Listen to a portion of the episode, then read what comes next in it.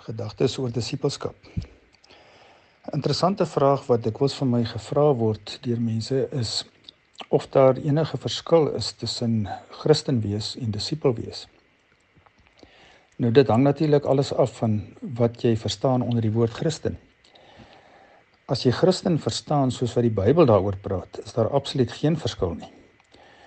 In die Bybel sien ons dat die woord Christen baie min gebruik word. Eerste keer in Handelinge 11 waar ons lees dat die Christene deur die mense in Antiochië die eerste keer die volgelinge van Christus, sy disippels, Christene genoem het.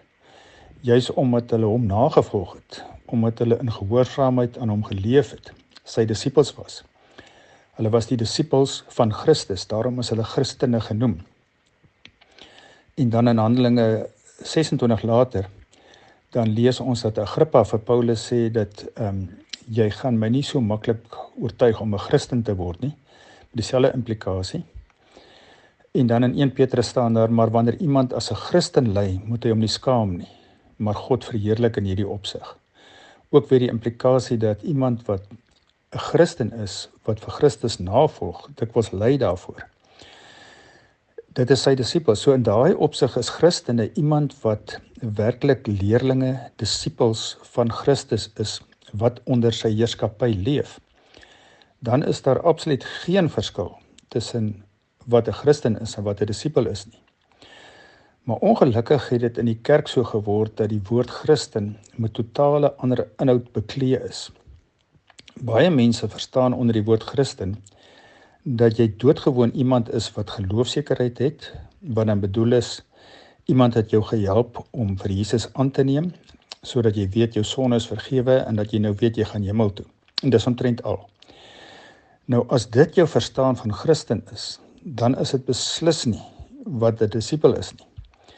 Want jy sien daai mense, baie van sulke mense, nie almal nie, baie maar van hulle is doodgewoon gerus dat ek eendag hemel toe gaan en intussen gaan hulle aan met hulle eie lewe om hulle eie naam groot te maak, om vir hulle self 'n koninkryk te bou en hulle eie wil te doen hulle sien nie kans om nou al hier op aarde onder die heerskappy van Christus te leef nie, soos 'n disipel nie. En dit het ek dikwels teëgekom wat mense vir my sê wanneer hulle hierdie ding in die oë kyk van wat dit is om 'n disipel te wees, om Jesus na te volg en onder sy heerskappy te leef. Ek sien nie nou kans daarvoor nie. Dis asof hulle bedreig voel, hulle eie koninkryk bedreig voel deur die aansprake van Christus. Nou die vraag is, as jy hier op aarde nie kans sien om onder sy heerskappy te leef nie, wat op aarde wil jy in die hemel gaan maak? Waar alles en almal onder sy heerskappy gaan wees. Jy sien dit is waaroor die lewe gaan. Die hemel is nie in die eerste plek 'n plek waar jy gaan wees nie. Die hemel is om in God se teenwoordigheid te wees, om onder sy heerskappy te wees, sodat hy sy bedoeling met jou lewe kan bereik. Daar word dit spreekwoordelik hemel. Ek meen Jesus sê hy gaan hierdie aarde kom vernuwe. Ons gaan op 'n nuwe aarde wees, nie iewers in die hemel in die plek in die ruimte nie. Maar dis nou nie so belangrik nie. Dit gaan oor is jy bereid om onder sy heerskappy te leef en te aanvaar dat hy die koning van jou lewe is. Dit is waaroor dit in disippelskap gaan. En dit is hoe die Bybel 'n Christen definieer.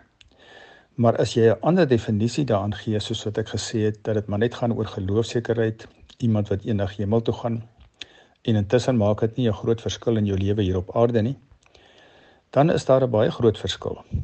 So disippels is ook nie 'n uh, iets anders, 'n ander klas van Christen wees nie.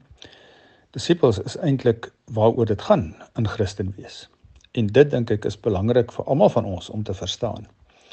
Ek het nie 'n keuse of ek nou maar net 'n Christen wil wees of 'n disipel kan wees as ek 'n navolging van Christus wil leef en in gehoorsaamheid aan hom en soos die Bybel daaroor praat nie, dan is daar nie 'n keuse nie. As jy 'n Christen is, is jy dan ook 'n disipel wat onder sy heerskappy leef. Ek hoop hierdie paar gedagtes is verhelderend en help jou om dit beter te verstaan.